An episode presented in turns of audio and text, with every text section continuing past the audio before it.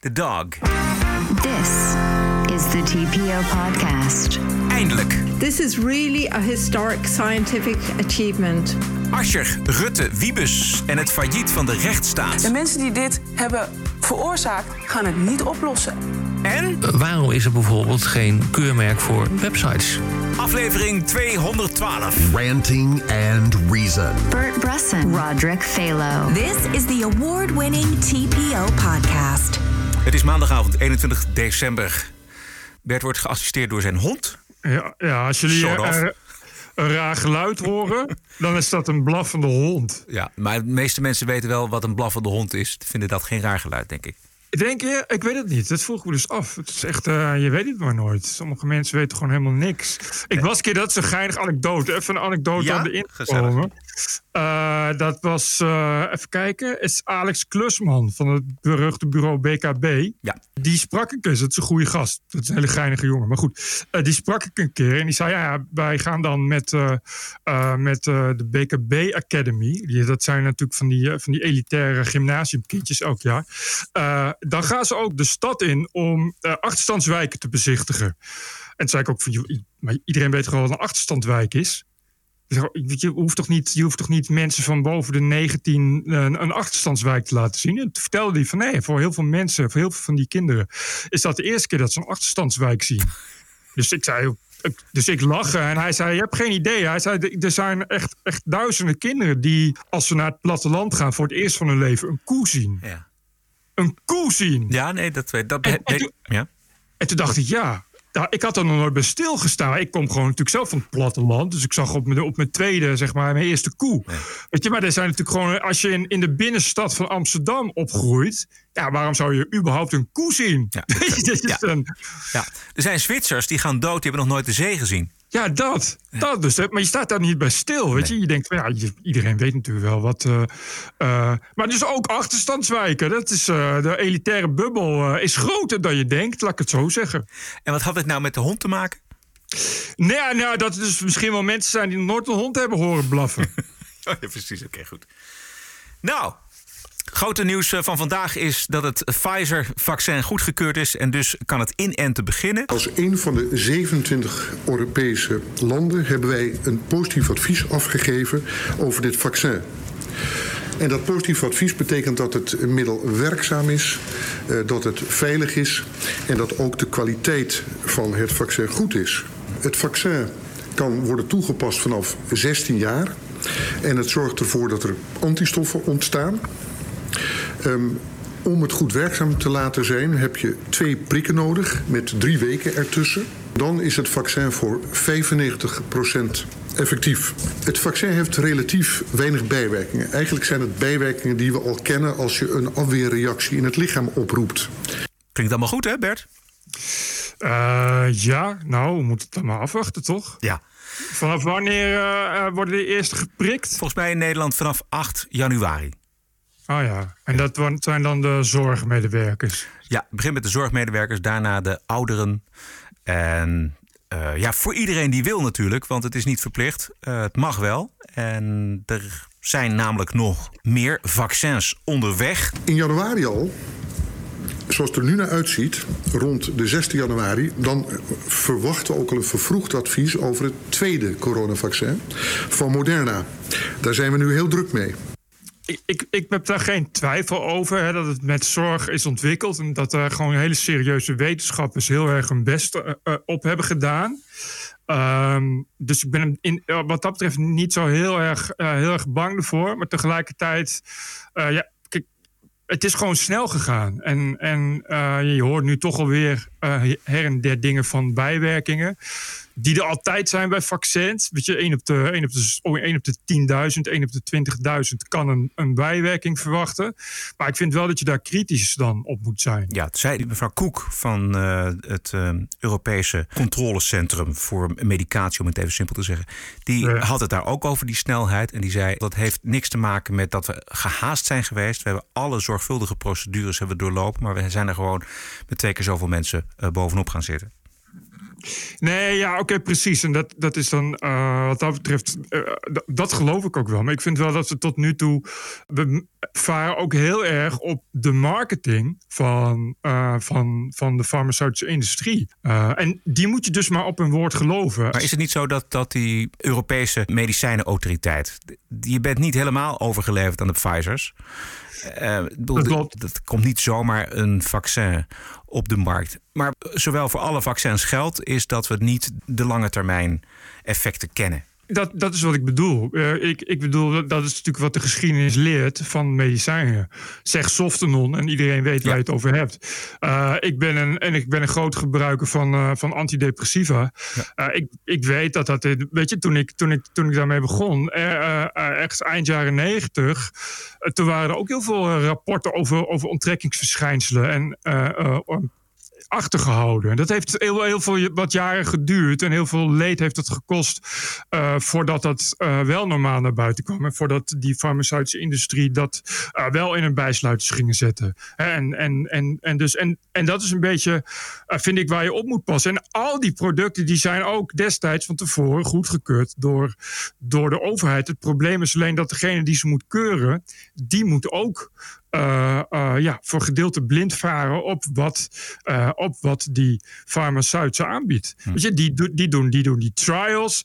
en in die trials kun je zien, nou, we hebben, we hebben 18.000, 60.000 mensen gevaccineerd. Nou, er zijn er maar drie die, die lichte bijwerkingen hebben. Oké. Okay. En dan zit je met een virus waarop je niet echt veel keuze hebt en ook niet echt veel tijd. Maar dat betekent dus niet dat je inderdaad op de lange termijn. En nogmaals, C-Softenon. Weet je, er was natuurlijk ja, ja. niemand die destijds. Uh, uh, ik weet niet meer, dat was, was dat een, een, een geboortebeperkingspil, toch? Soft, dat, dat, dat weet ik niet. Ik weet wel van het, het DES-hormoon, dat weet ik wel. Dat waren mensen die uh, bijvoorbeeld een, een, derde kind kregen, wat later, op lat, latere leeftijd. En nou ja, dat werd dan aangeprezen van uh, goed voor de zwangerschap. Nou, Precies. Wat blijkt op lange termijn, dat de kinderen die ter, ter wereld zijn gekomen dankzij uh, dat DES-hormoon, dat, dat die moeite hebben met het krijgen van kinderen. Begin jaren 70 was dat onbekend. Nou ja, dat bedoel ik. Ja. Kijk, dat, dat is dus wat je van tevoren niet weet. Nou is het wel zo natuurlijk dat, je, dat we al heel lang werken met vaccins. En dat dit een coronavirus is, waar we ook al heel lang mee werken. Uh, wat, wat, wat, ze, uh, wat ze principe kennen. Dus het, dus het principe van die werking van, van het virus is bekend. En dat betekent dus ook dat je je daar uh, de vaccin op kunt, kunt afstellen. En ik denk dat je veiliger uh, een vaccin tegen COVID-19 kunt nemen dan een proefvaccin tegen het AIDS-virus zou dat ooit bestaan. Weet je wel? Omdat uh, je, je, weet, je weet de werking, je weet hoe, hoe dat virus zich hecht aan cellen, hoe het binnenkomt, ja. et cetera, et cetera. Alleen het gedraagt zich anders. En dat is, dat is een reden waarom dat dus ook zo snel ontwikkeld kan worden. Maar ik vind dat je uh, bij dit soort dingen, zeker als je het op grote schaal moet doen, en zeker als je nou ja, toch wil dat, dat het liefst iedereen zich laat vaccineren. Uh, wie weet worden het wel rijksvaccinatieprogramma's, wordt het op de duur verplicht, et cetera, et cetera. Dat je daar niet kritisch genoeg over kunt zijn. Dus dat, dan, daar moet je niet nooit je ogen voor sluiten. Correcto. Dan gaan we naar morgen. Morgen uh, is het dinsdag, dus de dag van de podcast. En morgen gaan de hoofdrolspelers uit de kindertoeslagenaffaire met de premier naar het katshuis. En de politieke leiders oh. van. Nee, ik dacht dat ze gingen opstappen. Maar nee, dat nee, nee, nee. Nee, is iets te vroeg, ja. De, ja. de politieke leiders van drie partijen staan op dit moment onder vuur voor hun aandeel in de affaire. De, dit is SP Tweede Kamerlid Renske Leijten gisteren bij Buitenhof. Ik word wel heel erg verdrietig van het feit dat er drie mensen lijsttrekker zijn van een belangrijke partij in Nederland die hier verantwoordelijkheid dragen. Premier en Rutte, Ascher en Hoekstra. Wopke. En uh, ik vind dat heel vervelend ook voor, voor, voor Pieter en het CDA. Uh, maar, Waarom? Nou, we, nou ja, de, de, omdat Pieter zoveel heeft gedaan. Maar ik zie gewoon, we zien in dat rapport echt niet dat Hoekstra ingrijpt. Echt niet dat hij de zaak versnelt. En, hij, en, en ook voor, voor, voor Asscher en Rutte geldt dat. Het zou, wat mij betreft, echt niet goed zijn als, als zij blijven. Ja, dat klinkt heel gek, want het is niet mijn partij. Daar kan ik niks over zeggen. Maar als we verantwoordelijkheid vragen hiervoor. En we willen dat het opgelost wordt. En op al die andere vlakken ook. Dan, dan geldt die uitspraak van Einstein. De mensen die dit hebben veroorzaakt, gaan het niet oplossen. Ik kende de uitspraak van Einstein niet, maar ik ook niet, nee. nee maar, maar uh, dit, dit, klopt. Ja. Precies. En vandaag eh, eh, blijkt dat achter de schermen bij de Partij van de Arbeid een enorm felle discussie aan het woeden is over de positie van Lodewijk Asscher. Ja, niet geheel ten onrechte. Nee. Als je zag wat hij destijds antwoordde in 2017 was het, geloof ik. Ja. Ja. Dus, eh, en ik vind echt, ik ben het helemaal met Renske Leijten eens. En Ja. dat, dat vind ik al vanaf het begin, dat al die lui moeten opstappen. Het minste wat je kan doen, en dat is ook het enige wat je kan doen. eh, als het aan mij lag, eh, gaan alle verantwoordelijken voor tien jaar de gevangenis in. Maar dat is nou eenmaal niet hoe het werkt in een democratie.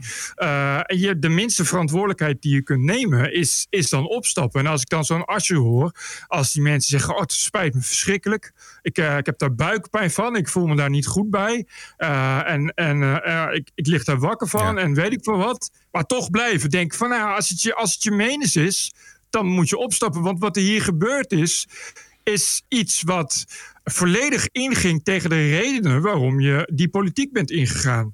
Je, je, eh, je bent daar ingegaan om, eh, eh, de, ook, om, de demo, om het democratische proces te bewaken. Want wat hier gebeurt is, is iets wat maar in dictaturen gebeurt. Ja, en dat is nou precies waarom je, die, waarom je daar als democratisch volksverte- volksvertegenwoordiger daarin ging. Waarom je eh, ook in de regering hebt gezeten. Waarom je fractievoorzitter bent. Omdat je gelooft in bepaalde waarden en normen die bij een democratische rechtsstaat horen. En voor die mensen die er slachtoffer van zijn, en het zijn niet weinig, zijn die rechten enorm geschonden. Daar kun je gewoon niet genoeg over zeggen hoe erg, hoe erg dat is geweest voor die mensen. Als je dan wil laten zien eh, dat je niet alleen zit voor een carrière of voor een baantje of, of, of weet ik van wat, maar dat je echt eh, uiteindelijk een principieel ethisch geloof hebt en hecht aan die normen en waarden, moet je gewoon opstappen. Precies. Dan moet je gewoon zeggen: ik, ik trek dus nu dat boetekleed aan. Ja, ik las vandaag dat zelfs Pieter Klein van RTL, die er toch eh, een aantal jaren bovenop heeft gezeten, zelfs hij was nog geschokt door de dingen die hij las in het eindrapport. De positie van Asscher is eh, ernstig. Er is zijn app-discussies aan de gang. RTL heeft daar kijk op. Er wordt gezegd onder andere. Juist de leider van de Partij van de Arbeid moet altijd staan voor hen die kwetsbaar zijn. En Precies. dat is dus het moeilijkste in deze kwestie. Uitgerekend de PvdA, Ja, toch precies. de partij die. Daar stem je op als het over dit soort zaken gaat. Ja. Als inderdaad, ja, ja, als iemand met een klein pensioentje of een uitkering of als arbeider, nou bestaan die niet meer, maar toch, je kunt nog steeds, eh, laat maar zeggen, aan de onderkant van de arbeidsmarkt zitten. Daar stem je dus op de Partij van de Arbeid, omdat je denkt dat die partij het in elk geval dat soort dingen voor je regelt. Dingen die je zelf niet kan en dingen die je zelf te moeilijk Ja. vindt. Kom, het is nog geen, denk ik, eh, nog 30 jaar geleden dat je naar een PvdA-steunpunt in je buurt kon. eh, waar, waar een vrijwilliger je kon helpen met het invullen van je belastingformulieren. Begrijp je wel? En dus een, een, iemand als Asscher. Ja, die, die, die dus inderdaad het gewoon opgenomen heeft voor die Belastingdienst. Het kan erop neer dat hij destijds tegen die Kamer heeft gezegd: Ja, dit, dit is niks aan de hand. Het is die mensen schuld. Die mensen worden, worden achter, achterna gezeten omdat ze gewoon hebben gefraudeerd met toeslagen. Nou zou hij dat niet letterlijk, maar weet je, de, je ja, dus, dus doe iets. Ja. Ik, ben- en, eh, daar word ik zo moe van dat die mensen allemaal massaal niks doen. Ze kunnen nou eenmaal niet meer onder de guillotine gaan liggen. Eh, je kan ze dus ook niet, niet, niet veroordelen. Dus ja, wat moet je dan? Dan moet je opstappen. Dat is toch de minimale verplichting Ja. die je dan hebt als politicus. Ja, maar de, de, dat, dat, wat niet eerst kan nog komen... en die discussie in die Partij van de Arbeid appgroepen... als ik het eh, RTL mag geloven, die zijn heel heftig. Dat gaat alle kanten op. En eh, dat wordt een hele lastige voor Lodewijk Asscher. Ehm, het ging gisteren bij Buitenhof ook over Rutte. De Rutte-doctrine, zoals de commissie het noemt. Omzicht legt uit. En dat is de doctrine dat de regering wel bepaalt welke informatie wij nodig hebben. En in dit rapport hebben Renske en ik meer dan 30 keer Kamervragen gesteld. En de dertigste Kamervraag, toen was ik alleen, dat konden we niet samen doen omdat zij in de commissie zat, kreeg ik het memo van mevrouw Palmer boven tafel. En dat memo van mevrouw Palmer zei: wat hier gebeurde is illegaal en dat hadden we niet moeten doen. En dat memo van mevrouw Palmer was al geschreven voordat ik de Eerste Kamervraag stelde. Als ze dit bij de Eerste Kamervraag op tafel gelegd hadden, namelijk dat de Belastingdienst dit niet had moeten doen en de ouders had moeten compenseren, hadden we het helemaal niet gehad. Dus, wat vroeger een doodzonde was... het onjuist of onvolledig voorlichten van de Tweede Kamer... van de volksvertegenwoordiging, dat is nu een doctrine. Dat is een regel, dat is een dogma. Ja, dat is toch verschrikkelijk? Ja, dat is verschrikkelijk. Maar dat komt allemaal boven water nu. Ja, maar dat is echt, echt het is zo verbijsterend. Ja. Het is echt, Bert, ik En- denk dat Rutte het, dat hij, hij gaat dit niet trekken. Hij gaat dit niet, hij gaat aftreden. Ik, maar ja, maar, luister, mij gaat er helemaal niks verbazen. Er is niemand die er wat van zegt. Rutte staat nog steeds bovenaan in de peilingen. Maar er staan niet eens honderdduizend mensen op, eh, op het Malieveld woedend te zijn. Het kan niemand wat schelen. Heb je, Nou, dat geloof je, ik niet. Ik geloof niet dat het niemand Ja, kan wat kan schelen. Ik bedoel, de, de, Nou ja, de boosheid niemand, is nee, groot. tuurlijk. Ja, de boosheid. Nou, Nee, maar kijk, de mensen, kijk, luister, de Dat mensen. is nou, dat is nou Nederland. Ja, de boosheid is groot. Ja, nou ja, dat weten we niet. Kijk, de mensen die het niet, eh, die het niet aangaat, misschien dat die er wat gemakkelijker over denken. En denken ook aan andere zaken die hen eh bezighoudt. Covid bijvoorbeeld, misschien dat dat. Kijk, wij, bedoel, wij Nee, maken, ons, wij ja, maken ja. onze druk. Ja, dan weten ze, ik, ik, ik, ik, ik roep maar wat. Zo, dat kan, zo, dat, Nee, eens, dat kan het zijn. Dan krijg je dus, dat kun je heel makkelijk spinnen. Dan krijg je dus van ja, dit is niet het moment om het land onbestuurbaar te laten.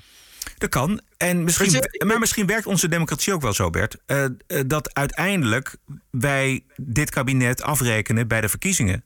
En dan mag Rutte nu hoog in de peilingen staan. Maar dat weten we niet hoe dat eh, over een paar weken is. Maar zo werkt een democratie natuurlijk. Eh, ze hebben zich misdragen, om het maar zo te zeggen. En als er geen andere mogelijkheid is als ze niet uit zichzelf gaan... dan behoort de Nederlandse bevolking bij de verkiezingen dit kabinet weg te stemmen. Ja, maar goed, dat, daar, daar heb je dus het punt. En dat, ik, ik heb nooit het idee dat dat, dat dat echt hard gebeurt.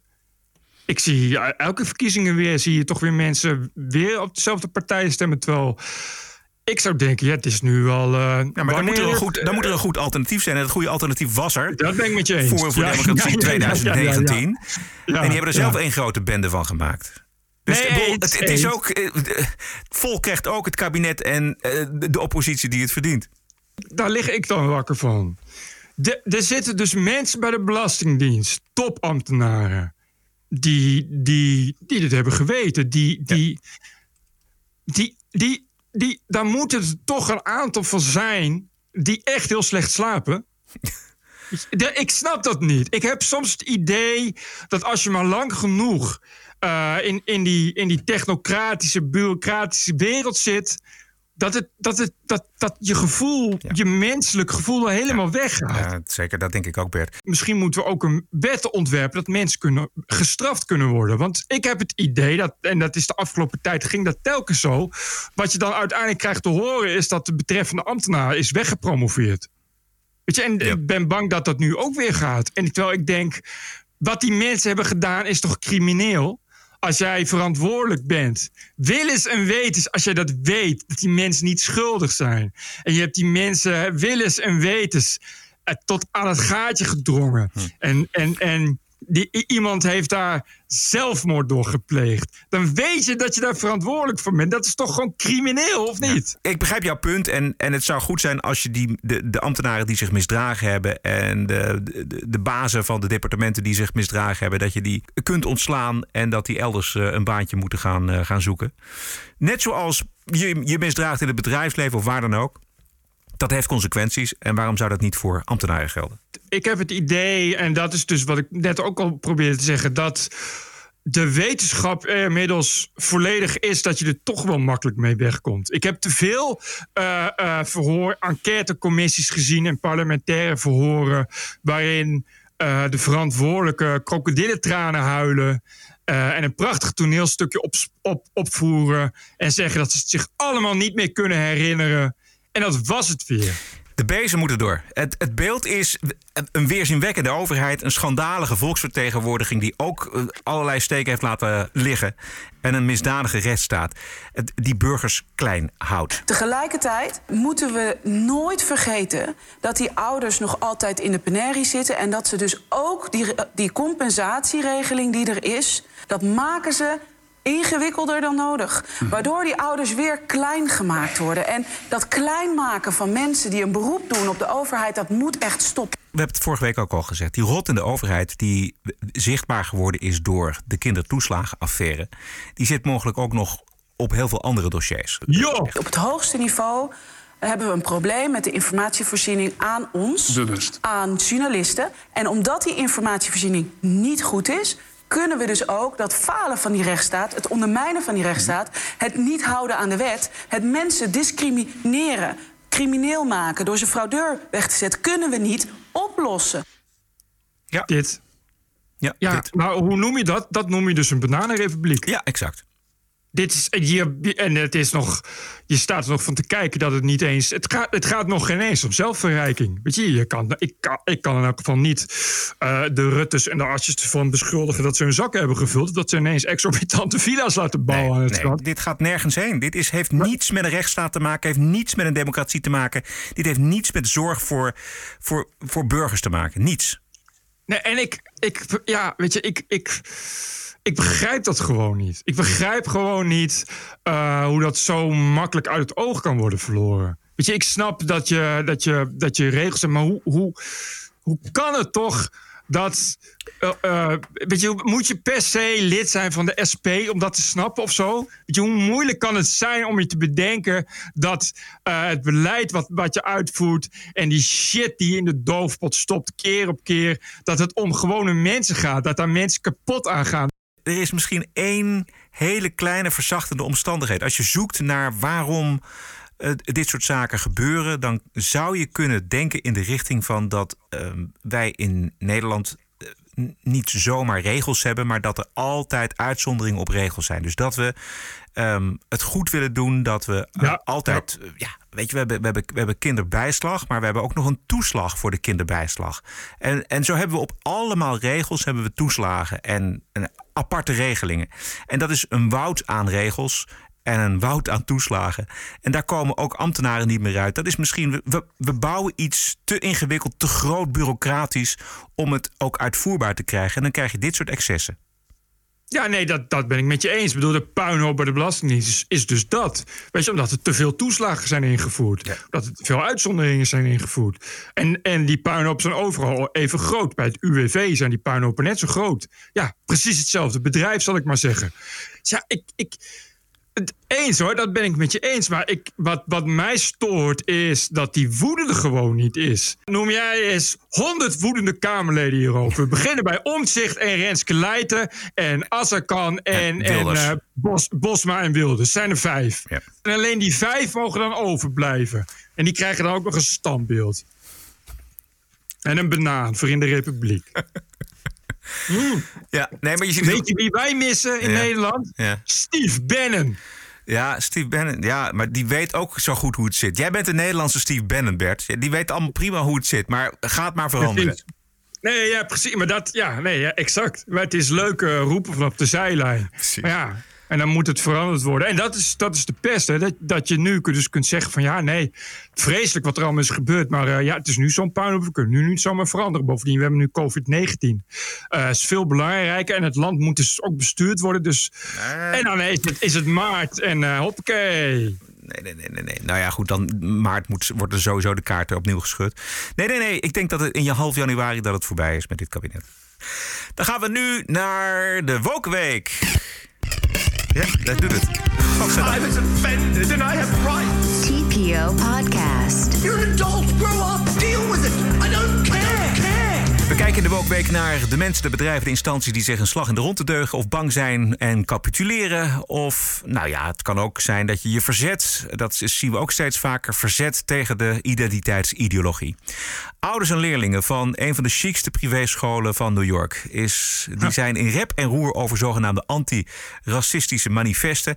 Ondertekend door tientallen faculteitsleden. Docenten zijn dat uit het eisenpakket van de Woke-commissie. Ik noem er een paar. Je hebt het ook gelezen, Bert.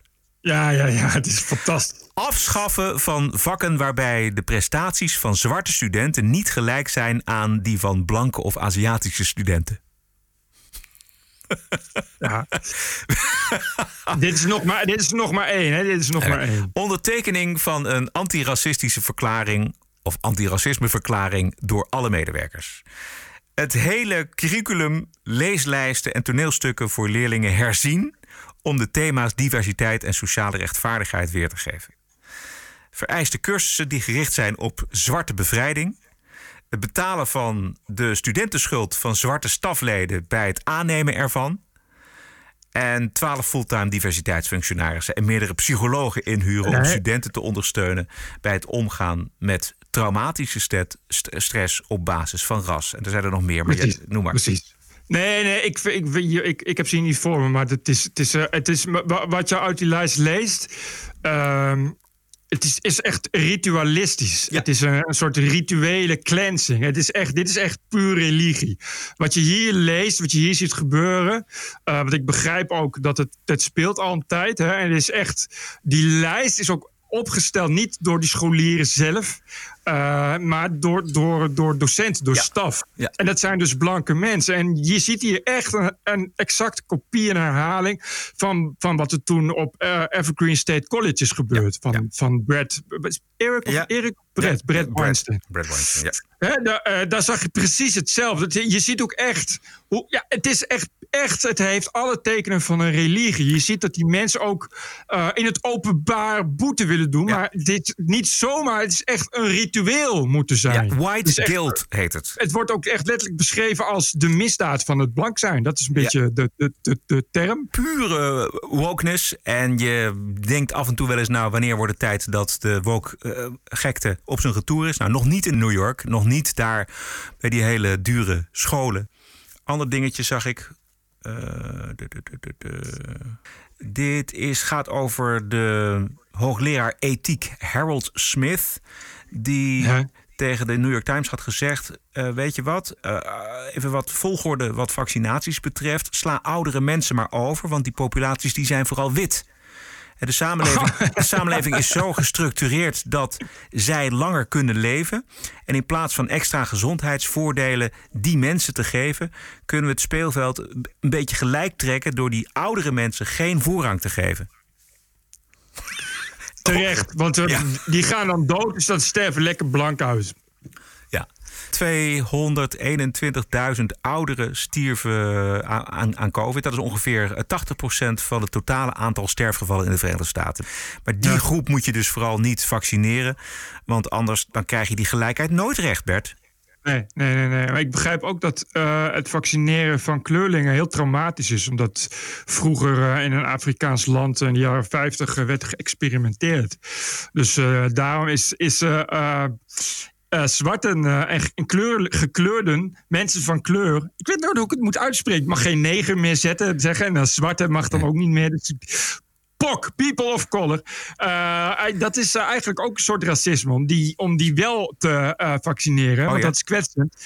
Maar als je ze niet vaccineert, is het natuurlijk ook een racisme. Want dan, heb je, dan geef je aan dat je ze eigenlijk wilt laten uitsterven. Dit was natuurlijk ook weer een, een witte hoogleraar ethiek, moet je, moet je nagaan. Dat is dan een hoogleraar ethiek en die verzint dit soort dingen. Ethiek van het selecteren ja. op ras met de dood tot gevolg, want dat is het natuurlijk, hè? Ja. Ik denk dat ja. Harold Schmid nee, dat, dat... het liefst onmiddellijk overgaat tot het euthanaseren van deze, van deze, deze mensen, deze oude blanke mensen. Want um, nou, zo krijg je tenminste die, die ja, samenleving een beetje tegelijk. Ik heb echt serieus het idee dat, dat dat niet ver weg is dat mensen inderdaad zeggen van nou ik ben bereid om, om te sterven om iemand anders meer plek te geven. Het is, tot nu toe is het heel erg uh, overdrachtelijk. En het is ook de hele tijd, jij moet, jij moet weg hè, als witte man... om een plek te geven aan iemand van kleur. Maar zelf gaan ze niet weg, begrijp je wel? Dus, dus, dan, dus ze blijven dan zelf de elite. Maar ik denk dat de tijd niet ver weg is dat, dat mensen inderdaad... de eerste activisten inderdaad ritueel zelfmoord gaan plegen. om, om zichzelf uit te roeien. Ja. Dat, is, dat, is, dat kun, je, kun je op wachten. Dat, is, dat soort martelaarschap zit er gewoon in. Ja. Als je ziet hoe, hoe, hoe het nu loopt... Dat, dan volgens die lijn van die religie... Ja. is dat wel een beetje de volgende Ik heb toch nog een paar andere ideeën. Ik kom, kom, spontaan komen ze op. Bijvoorbeeld, uh, stel je bent een, een, woke student, je, je kan gaan studeren aan een goede universiteit, dan, dan vind ik eigenlijk dat je dat niet moet doen. Je moet eigenlijk zorgen, als je de gelijkheid wil nastreven in de Verenigde Staten, in die samenleving, dan moet je eigenlijk niet gaan studeren. Dan moet je dus als arbeider gaan werken, of je moet, wordt landloper, of je wordt weet ik veel wat, of je, wordt, je, gaat, je gaat je vestigen in een criminele wijk in Chicago of iets dergelijks. Want je kunt zelf heel veel bijdragen aan die gelijkheid. Ja, zelf het leger ingaan. Zelf het leger ingaan. En dan later geen uh, gezondheidszorg accepteren.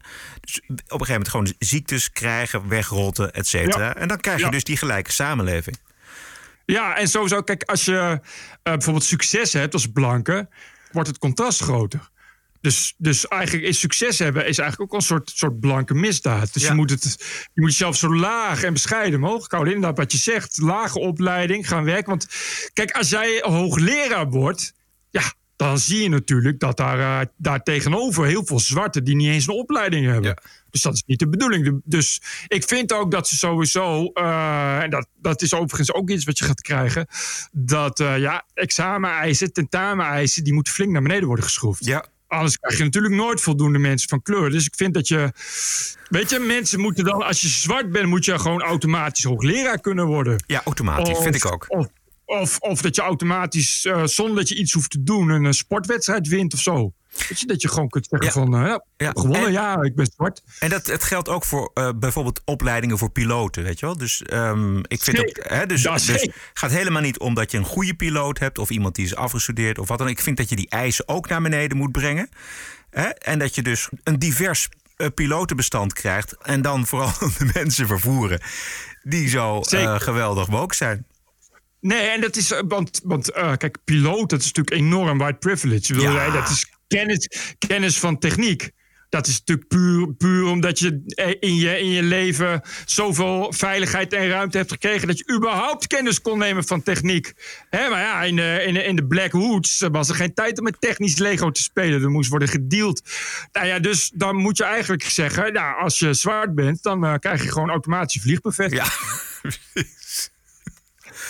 Ik, Ja. ik, ik ben daar niet, eh, ik ben daar niet Nee. tegen. Ik vind wel dat je dan ook, ook als, als virtue signaling, als blanke, Ja, dat je dan ook met zo'n zitten. maatschappij, ja, dan moet je ook Ja. met zo'n maatschappij gaan vliegen. Dit is eh, empowerment, mensen. Kom op. exact, exact. Ik Dus- had er nog één trouwens. Ja, nog eventjes. Oh, wel, eh, nog, een ja, nog, nog, één woord, nog één zinnetje hier aan toevoegen aan dit, aan dit onderwerp. Dat wij misschien vanuit de TPO-podcast die woke mensen duidelijk moeten maken dat zij zelf persoonlijk zoveel bijdrage kunnen leveren. Dus alle mensen op universiteit, alle hoogopgeleiden, eh, alle mensen die wit zijn en een grote mond hebben over hoe ongelijk het allemaal is.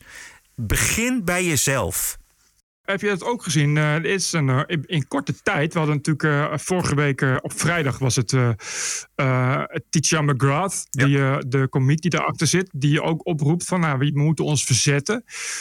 Ik zag twee dagen daarna een groot interview in de Telegraaf met een oud psychiater. Ja.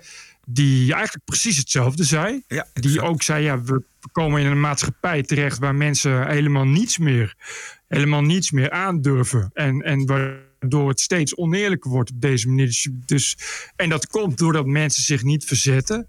Eh, vandaag schreef Erdal Balci op de Post Online eigenlijk precies hetzelfde. Eh, maak een einde aan, aan het postmodernisme. Er staat eigenlijk precies hetzelfde in. Waar blijven de denkers? Waar blijven de, waar blijven de kunstenaars? Waar blijft de intellectuele elite? Om zich nu eindelijk te gaan verzetten. Ja. Eh, dus ik heb wel eh, het idee dat het steeds meer mensen, steeds meer mensen daar eh, zich mee bezighouden. En Ja. zich afvragen, wat de fuck is gaande? En, en moeten we daar niet iets tegen doen? En wat kunnen we daar tegen doen? Ja. Het is nog even zoeken wat we er tegen kunnen doen. Maar wij weten inmiddels dat je gewoon nee moet zeggen. Maar het is opvallend inderdaad. Ehm, ik zag het ook. En dat is een goed teken. Het zijn kleuters. En, en met Ja, kleuters, ja. kleuterredenering... eh, houdt het eigenlijk al heel snel op. Weet je, het is helemaal geen intellectuele uitdaging. Het is gewoon een soort van eh, ja, dogma. En dat zo, iedereen moet eraan aan voldoen. Maar dat gaat natuurlijk nooit gebeuren uiteindelijk. Laten we hopen. Het is volstrekt infantiel. Infantiel is het, ja. ja En, ja. het- en, en dat is inderdaad iets waar, waar op een gegeven moment. Ja, waardoor het ook weer gaat ophouden, denk ik. Ik denk het ook. Mensen moeten alleen niet Omdat, bang meer worden. eh, Weet je, mensen, mensen zijn nog bang voor de consequenties. Voor nou wat we vorige week zeiden. Voor hun baan. Voor andere zaken. Voor dat ze uitgemaakt worden voor Ja, racist op, op, op de social media. Maar daar moet je allemaal helemaal niet druk over maken. Totaal niet. Is helemaal, dat is- je moet altijd kijken naar wie het Nee, zegt. je, je, je moet beseffen dat, en dat zeggen eigenlijk Teacher McGrath en eh, die, die, die psychiater zeggen, en, en Erdo Balci. En, en eigenlijk tegelijkertijd is dat de kern dat mensen moeten beseffen dat er af en toe eh, meer nodig is om je vrijheid te behouden.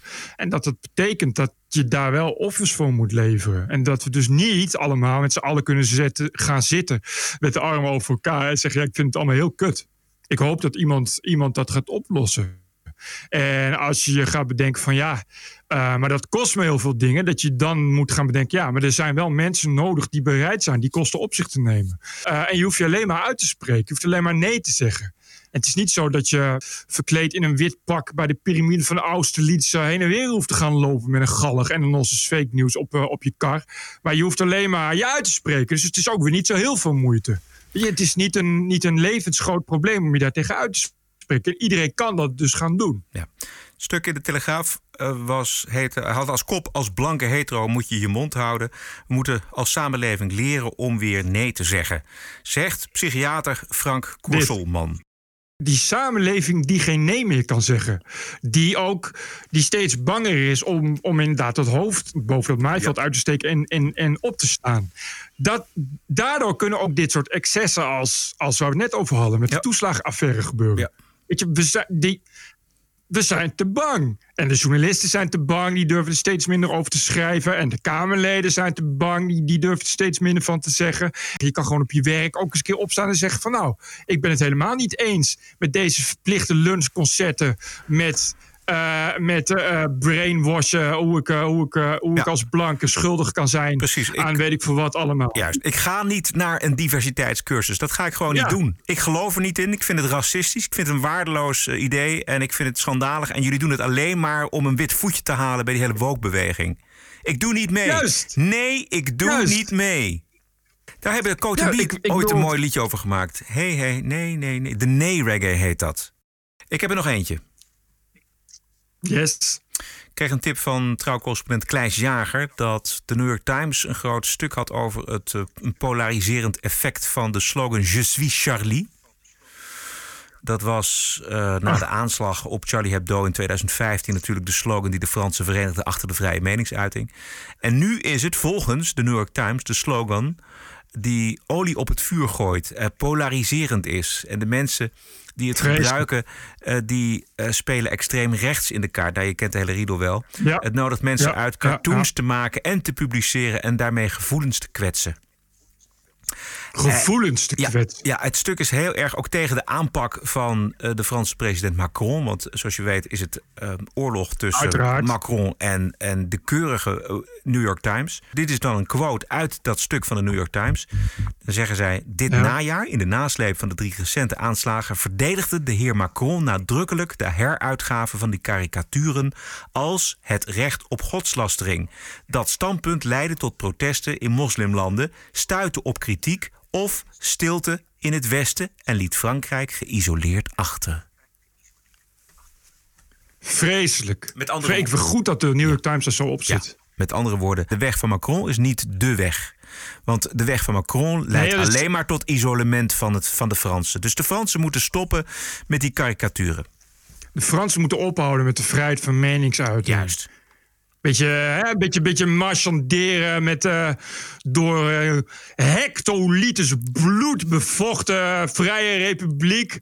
Bah, terwijl hè, ergens in Pakistan zit nu een klein jongetje te wenen omdat zijn profeet bespot is. Daar hoor je ze dan weer niet over, die Fransozen. Je, dat is beetje vrijheid. Iedereen achter de vrijheid van meningsuiting scharen. We weten allemaal dat vrijheid van meningsuiting is bedacht door extreem rechts. om een beetje islamofobie goed te praten.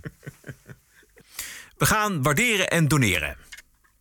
Waar is mijn liedje nou? Ja, waar is, eh, waar is de jingle? Ah, wacht even. Hier is mijn liedje. TPO Podcast. Geen advertenties, geen subsidie. De TPO-podcast is onafhankelijk geluid. Welke waarde heeft het? Twee keer per week. Wat is het je waard? Dit. Ranting and Reason. En wil je donatie toelichten, commentaar geven? Ons e-mailadres is info.tpo.nl. En waarderen en doneren kan op tpo.nl slash podcast. Bird. Dit is eh, Wim van den Groenendaal. Die mailt. Hier, schoften, nog 20 euro. Moest wel lachen dat jullie toch mijn naam wel noemden. Ach, waarom ook niet? Ik ben blij met tweemaal per week TPO podcast. Zet hem op met vriendelijke groet. Wim van den Groenendaal. Onthoud die naam. Wim van den Groenendaal. Hartelijk dank. Ik herinner mij jou dat jij inderdaad eh, een verzoek had tot anonimiteit. Maar in ons enthousiasme hebben we daar niet aan kunnen voldoen. Onze excuses daarvoor. Ik hoop dat de gevolgen niet al te groot zijn. Dankjewel, Wim. Nee. Nee? Ronald de Bruin uit Groningen. Bert Roderick blij met jullie geluid tegen de alledaagse mediastroom in. Verbaas me er ook regelmatig over dat jullie precies zo denken als ik zelf. Er zijn natuurlijk veel meer mensen die dezelfde mening zijn toegedaan. Helaas ontbreekt het aan een degelijke politieke partij die het professioneel kan uitdragen. Nou, zeg dat. Ik luister onder het thuiswerken graag naar jullie. Een ware opluchting als je een tijdje Radio 1 hebt doorstaan. Samen met anderen verbaas ik me waar de politiek correcte wokeheid toch vandaan komt. Hebben jullie enig idee? Nou, onder andere Amerika. Ik hoop dat er genoeg geld binnenkomt om nog lang door te gaan. Groet Ronald uit Groningen. Dankjewel, Ronald. Ja. Waar de wokeheid vandaan komt, dat is een goede vraag. Ja. Eh, in elk geval uit Amerika en eh, uit de millennial generatie, denk ik zo. Ja, de generatie die eigenlijk niets voorhanden had. En op zoek ging naar idealen. Eigenlijk alles al had, alle luxe had. Ja, Niets om voor te vechten. precies. En toen kwam dit. Vooral, vooral, vooral dat. John Patrick. Ja, John. Holy shit, mannen. Wat een fantastische aflevering. Drie uitroeptekens. Bedankt, mooi weekend. John Patrick Nijkamp. Fanboy op het gevaarlijke af. nou, als die maar niet gaat stolken. Stolken met donaties mag wel. Even kijken. Matthijs zonder achternaam. Hallo Bert en Roderick. Ik heb het symbolische bedrag van 70 euro gedoneerd. Ter waarde van een jaarabonnement van de correspondent. Dankzij jullie podcast hoefde ik dat jaar dat geld niet meer uit te geven. Dus niet onredelijk om dat bedrag aan jullie te doneren. Net als Roderick heb ik aan de UvA gestudeerd in het Spinhuis. Tien jaar geleden. Ik heb geleerd dat het grootste probleem niet ligt in het superkleine groepje activisten of het als wetenschappelijk verhulde marxisme. Het is het moralisme van de meerderheid. Het taboe op onpopulaire ideeën. Een misplaatste voorzichtigheid om niet als fout te worden gezien. Ja. En het idee dat je altijd een kant moet kiezen. Ja. Deze meerderheid creëert de ruimte en die kleine minderheid pakt die ruimte. Daarom is wat jullie doen zo belangrijk. En daarom ben ik zo blij dat jullie geen kant kiezen en kritisch blijven op alles en iedereen. Jullie podcast helpt mij om kritisch te blijven denken. En die tweede keer per week voegt veel toe. Dank daarvoor. Groeten, Matthijs, geen achternaam. Matthijs, dankjewel. Ja, ziet het goed. Hij heeft wel gelijk. Het, het klemmend conformisme. Grootste onbewuste onzekerheid is om voor fout te worden versleten. Maar die- maar die angst die zorgt er ook voor dat die woke-terreur zo invloedrijk is. Hè, als, je, als mensen minder bang zijn, ja, dan, dan, he- dan hebben de terroristen geen, geen invloed. Of minder invloed in ieder geval. Want nu heb je een, een minderheid die zich als meerderheid kan gedragen. Ja. Omdat er geen meerderheid tegenover staat.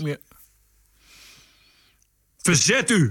Dit is de TPO-podcast. Een eigenzinnige kijk op het nieuws en de nieuwsmedia. Elke dinsdag en elke vrijdag. Twee keer per week. Het hele jaar door. Zonder reclame en zonder een cent subsidie. 100% onafhankelijk. The award winning TPO podcast. Wat is het jou waard? Kies een euro per aflevering, 104 euro per jaar of kies zelf een bedrag. De TPO-podcast. Wat is het je waard? Doe mee en doneer op tpo.nl slash podcast. Ik heb nog eh, twee fragmenten, waarvan één de bonusquote. Ander fragmentje kreeg ik opgestuurd van eh, Jeroen. Eh, dat gaat over een aardige suggestie als Trump het Witte Huis uit moet. Wat is de suggestie van iemand die zat bij de, de Spiked podcast, jou wel bekend? En Ja. dat is een Ja. mevrouw en die heet Julia Hartley Brewer. Dat is een Engelse per- tv-persoonlijkheid, maar ze heeft, houdt ook een aardige mening op na. En dit is wat zij eh, in petto heeft voor Donald Trump. There's one thing I want Donald Trump to do before January the 20th, and I'm delighted Donald Trump is, is leaving, is I would like him to decide that he is going to self identify as a woman. and at that point, he says, according to what the Democrats think and what Kamala Harris apparently purports to think as, as the vice presidential candidate elect, a man who says, I identify as a woman is a woman. In that case, he at that point becomes the first female president of the United States. Misschien een beetje This flauw, maar het is wel grappig. Het zou wel geweldig wel zijn als hij het doet. Precies, als hij nou echt met een knal daar dat Witte Huis uit wil... dan zou hij het op deze manier moeten doen, volgens mij. Ik denk niet dat hij dit doet, maar het is eh, wel een suggestie die aangeeft inderdaad hoe, hoe de woke-beweging altijd per definitie een circular firing squad is. Exact. En, en je, je, precies. daar namelijk niet Nee, aan. nee. En je kan ook, want zij moeten dit accepteren. Hè? Ik bedoel, die hele Democratische Partij, die top, die Kamala Harris, die Joe Biden, iedereen is helemaal door de woke eh, gevangen genomen. Dus als je dat.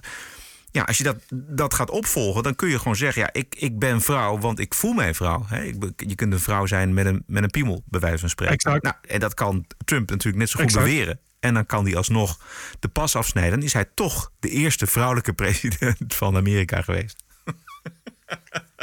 Yep. Yep, zou leuk Yep, zijn. En er is niks wat ze daar tegen kunnen doen. Nee, precies. Het is allemaal volgens hun regels, dus dan is het waar. Ja, exact.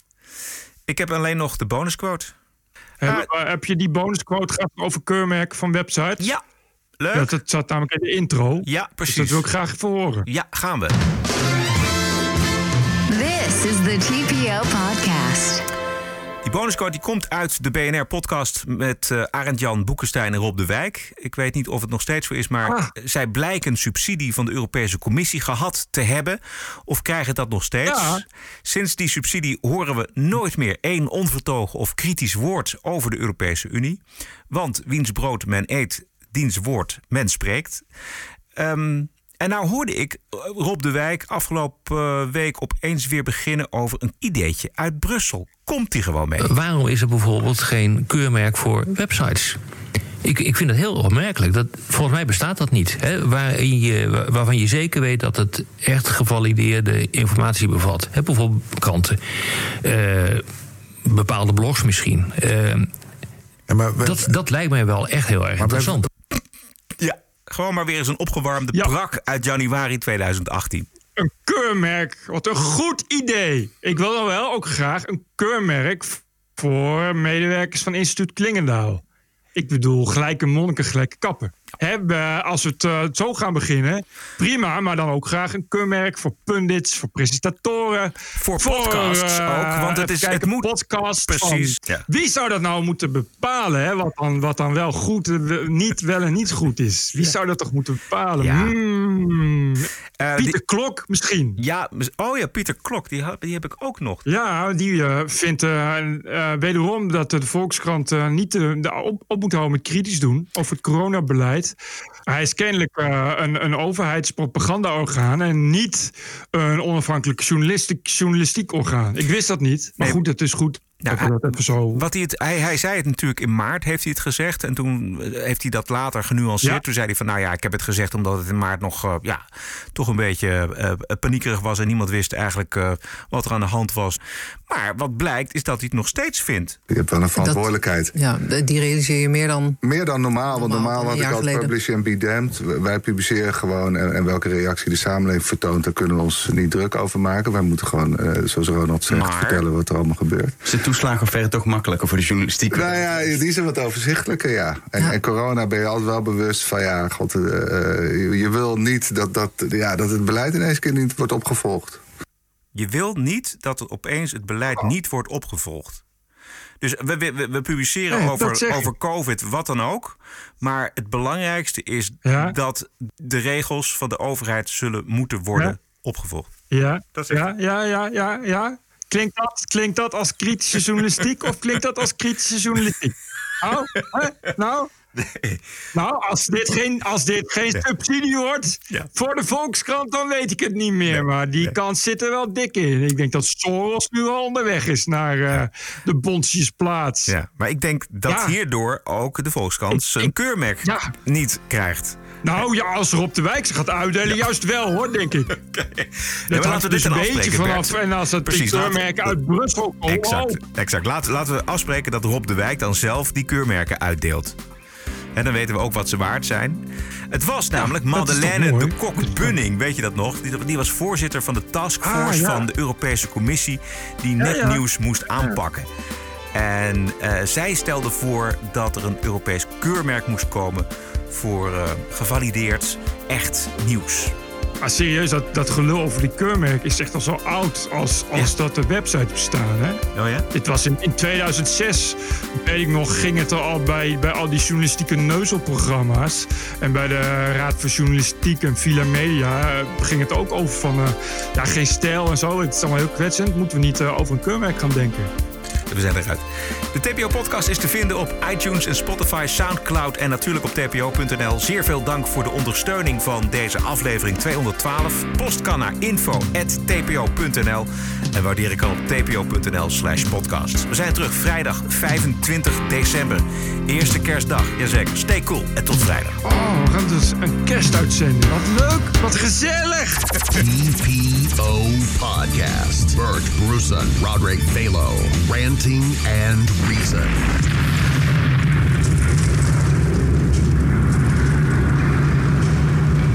We staan voor een grote uitdaging, mensen. Ik ben vandaag hier met jullie. Als wij deze afspraak niet hadden, zou ik vandaag niet hier zijn. Podcasting is the TPO podcast in the Netherlands. Bert and Roderick. What a show. I'm telling you.